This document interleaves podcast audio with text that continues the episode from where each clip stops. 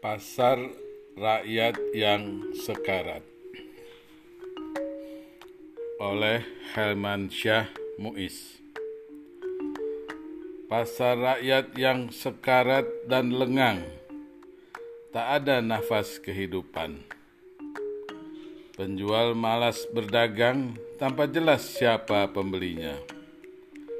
Pembeli tidak beranjak dari pintu rumah yang tertutup rapat.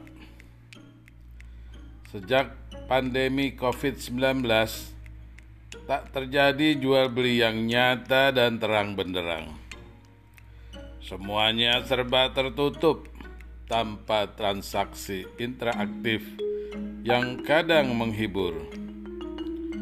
Jual beli di layar dawai dengan harga yang pasti melalui transfer bank dan barang yang tidak jelas terlihat.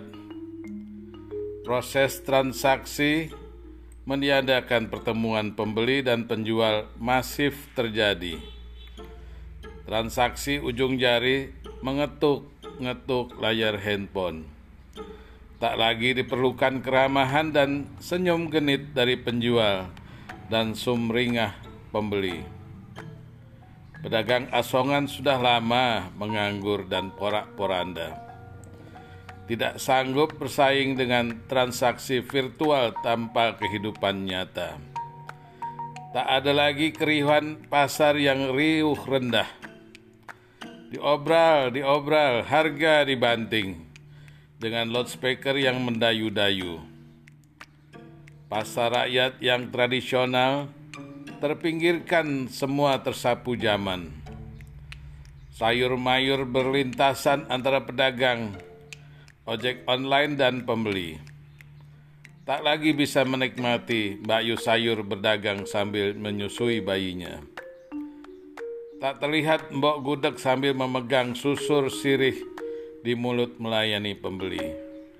Juga tukang ikan yang bersenandung riang sambil memotong ikan kakap Suara mbok jamu yang cantik dan memelas di sudut pasar sudah lama hilang. Jamu mas, jamu, pakai telur biar kuat mas.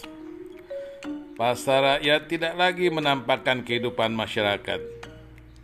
Ke pasar yang lesu tanpa semangat sukacita dalam kebersamaan.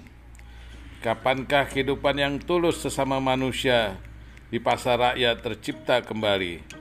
Bandung 19 Januari 2021